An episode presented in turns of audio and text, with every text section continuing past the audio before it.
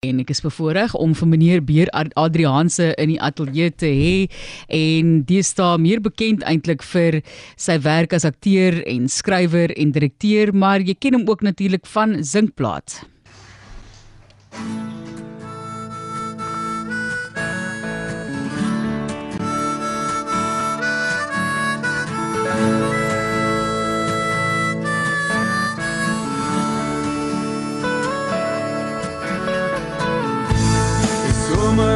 Op pad terug. Ek het op sy rug gery Tot by die verste brug. En dier die doorn draad gekry Een strooisak vir een jas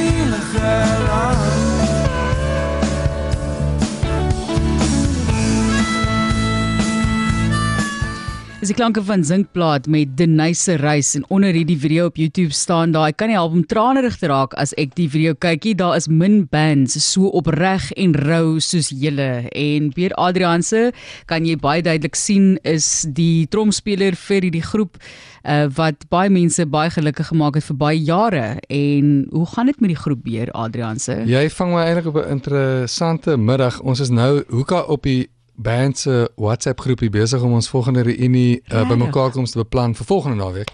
So die manne kom af hierdie keer Kaap toe. Gewoonlik gaan ons na Bertie se plaas toe. So ons kry mekaar by Bason se se studio/karate dojo/kleinhoewe en ons gaan kyk of ons net 'n bietjie kan jam. Hierdie keer gaan ons minder braai, meer musiek maak as laas jaar. Iets gedoen kry. Ja. Nee. Hier is iemand juis uh, wat 2 jaar terug ook al gesê het, like die petisie vir Zinkplaat om terug te kom. So duidelik het van hierdie dinge gewerk. Uh, daar was al mense wat baie lief was vir julle in Suid-Afrika. Baie suksesvolle groep gewees. Hoekom hoekom het julle nie voortgegaan nie? Dit is 'n moeilike bedryf in Suid-Afrika. Ja, ek moet sê die moeilikheidsgraad het nooit regtig impak gehad nie. Ons het dit presies op die 10 jaar merk ge, ge, geroep en besluit Bertie wou 'n bietjie gaan boer het. Ek was klein bietjie meer besig om in die uh filmwêreld in te tuimel en Bytel was 'n advokaat in wagting, so hy moes gaan wegspring en Bason moes bietjie blues maak. Maar dis nou vreemd wat jy my ook op 'n vreemde tyd vang want dis nou hierdie jaar die 10 jaar sedert ons opgebreek het. Goed. En ons was presies 10 jaar saam ook. So allerlei dinge gaan eintlik hier op die oomblik spoel deur my siel. Dinge gebeur ook vir 'n rede so, lyk like dit my, né? Hoe mooi is ja. dit nou nie? So is die groete vir Zinkplaat, Zinkplaat ondersteuners, julle kan nou maar vir hulle begin kontak en vier onder hulle maak om dalk te kom optree in jou area, maar baie bekende Afrikaanse folk rock groep natuurlik en hy was jonk gewees. Hy het begin op 17 as deel van daardie groep en hulle was 10 jaar saam van 2003 af. Maar beer jy het 'n lang lys van vaardighede agter jou naam, so jy het nou daarso begin in terme van musiek as 'n drumspeler, maar waar kom die skryf en die regisseurskap vandaan en vir jou as akteur ook? Ek dink die filmliefde het begin met my ma Wilna wat uh so lief was vir flieks dat sy ons amper alles gewys het en soms uit die skool uit sou haal om 'n fliek te gaan kyk. Uh en uh dit het nogals 'n diep indruk op my en my broers gemaak. En sy het natuurlik ook 'n uh, sy is 'n skrywer. So ek het gesien hoe lyk iemand wat skryf en dit het nie noodwendig baie aanloklik gelyk nie. Maar ehm um, werk, die, dan is ja, werk. Dis werk en jy moet jy moet stil sit en dit doen.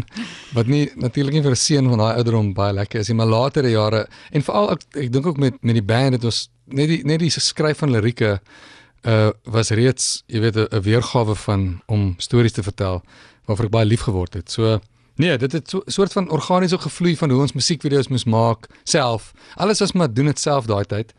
Ehm um, en uh jy het alles al van 'n groep gedoen en ek ek moet sê wat dis die lekker ding van film maak ook is dis gewoonlik 'n hele familie van mense wat bymekaar geskraap moet word om die ding die ding van stapel te stuur.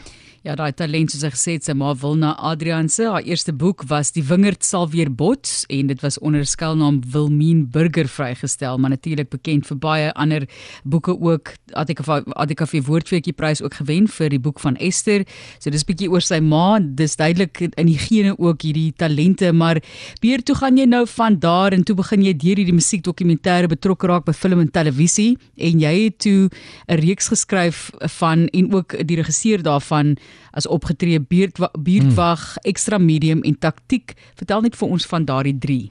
Okay, ja, so buurtwag was die eerste reeks en dit was so losweg gebaseer op die buurtwag uh van my die uh buurt waarin ek groot geword het, gebaseer op die vertellings van een van die buurtwagte se lede se seuns aan my. Ek het natuurlik dit so klein bietjie uh opgestuur en miskien hier en daar bietjie erger gemaak, maar moes ook natuurlik hier en daar dit bietjie terughou. Ehm um, Maar dit is 'n ongelooflike uh, proses en om te sien hoe dit werk om jy weet 7 dae in 'n week deurnag te skiet met 'n spul akteurs wat jy jou hele lewe lank na opgekyk het. Ehm um, en ook te besef jy weet iets so ernstig soos 'n buurtwag wat soms 'n ernstige kwessie kan wees. Mens moet ook kan kan lag daarvoor en die humor kan sien in daai situasies.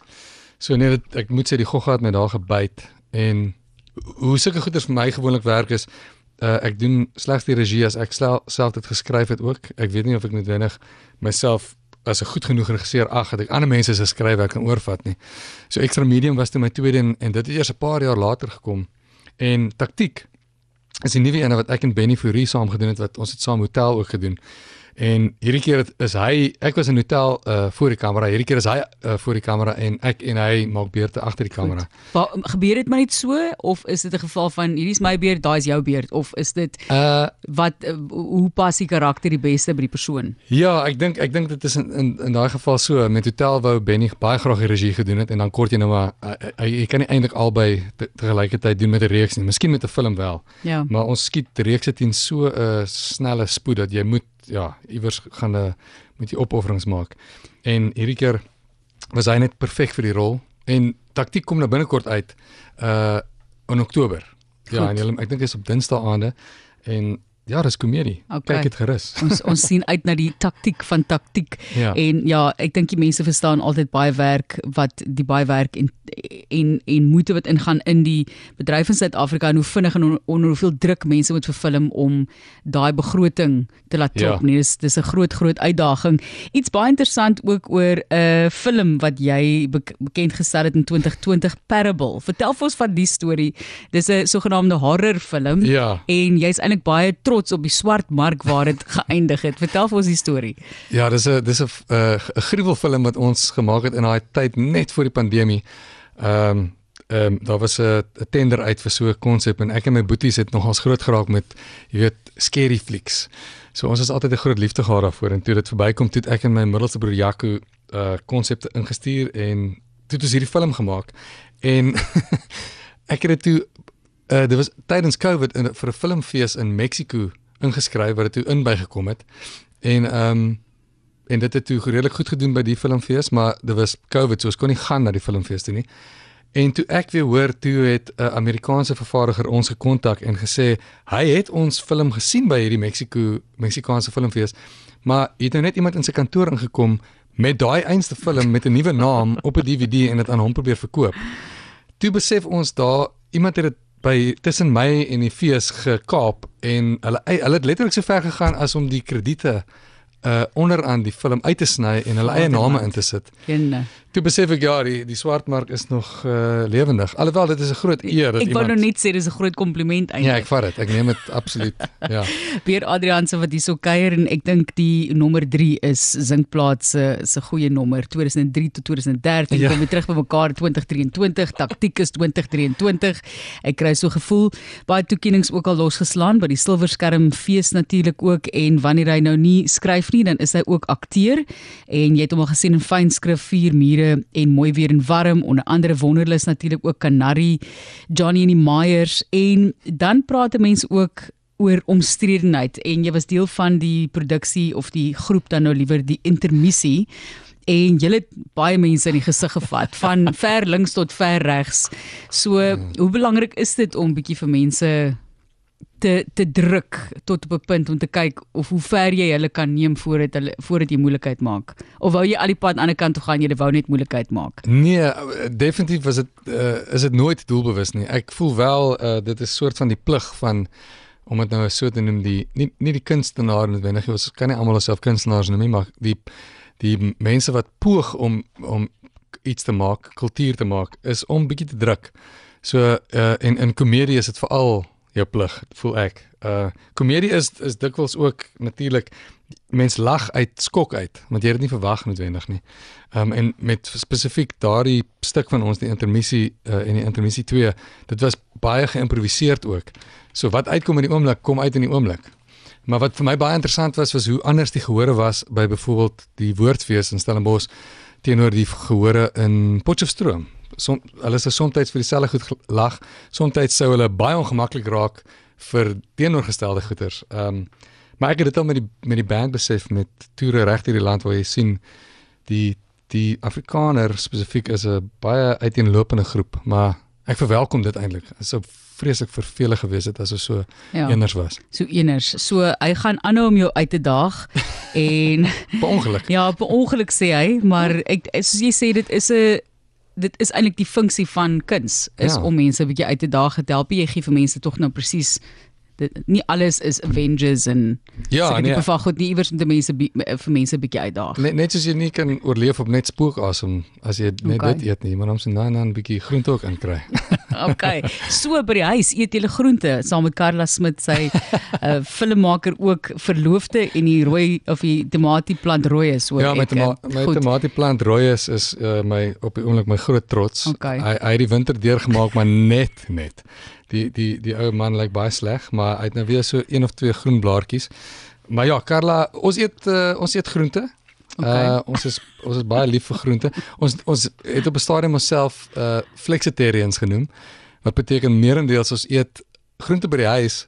Uh maar as ons by mense is wat vir ons vleis maak, soos byvoorbeeld my ouers wat in Botswana bly, waar die lekkerste vleis is of wildsvleis is, dan sal ons dit eet of ha Oh ma, hulle is Portugese, so hulle maak die ongelooflikste uh, visgeregte en sulke dinge. Wonderlik, so daar's balans. Absoluut. Hoe ja. hou jy balans met twee filmmakers in die huis? Hoe nee, werk dis, dit? Nee, uh, dis dis moeilik. Uh, ons uh, hoewel dit eintlik dis dis eintlik groot plesier want ons kan mekaar se se speels wees en uh ons ek kan altyd vir haar, jy weet, ehm um, 'n uh, kritiek gee op 'n eerlike manier, nes ek weet sy altyd vir my uh brutaal eerlik sal wees oor uh wat ook al ek mee besig is en wat ek aanvang. Ja, mense ja. dit nodig in die lewe. Ja, absoluut. Beer, kom ons praat net gou vinnig oor wat voor lê. Daar's nog so 'n minuut. Uh wat is jou planne vir die toekoms? Want is nou maar altyd 'n moeilike vraag want ja. dit hang van soveel dinge af veral in julle bedryf. Ek hoop ek kan 'n bietjie van alles doen, skryf, regie en uh om weer toneel te speel. Uh op die oomblik is ek besig om te werk aan 'n nuwe vollengte film wat ek hopelik vroeg volgende jaar wil skiet. Sy naam is Tafel vir 2 uh en hooplik sal hulle binnekort meer daarvan uh hoor. Maar andersins sal ek net vir mense sê, kyk gerus taktiek as jy net 'n bietjie wil lag.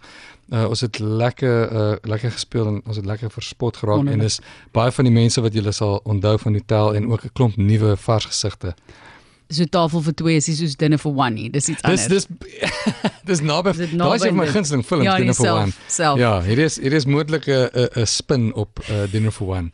Ja. Pierre Adrian se hom dop en nou taktiek dop ondersteun die kunste en uh, ons sien uit om vir jou ook dop te hou op die kassie en agter die agter die kassie agter die skerms weer mooi bly sterkte vir die toekoms. Totsiens.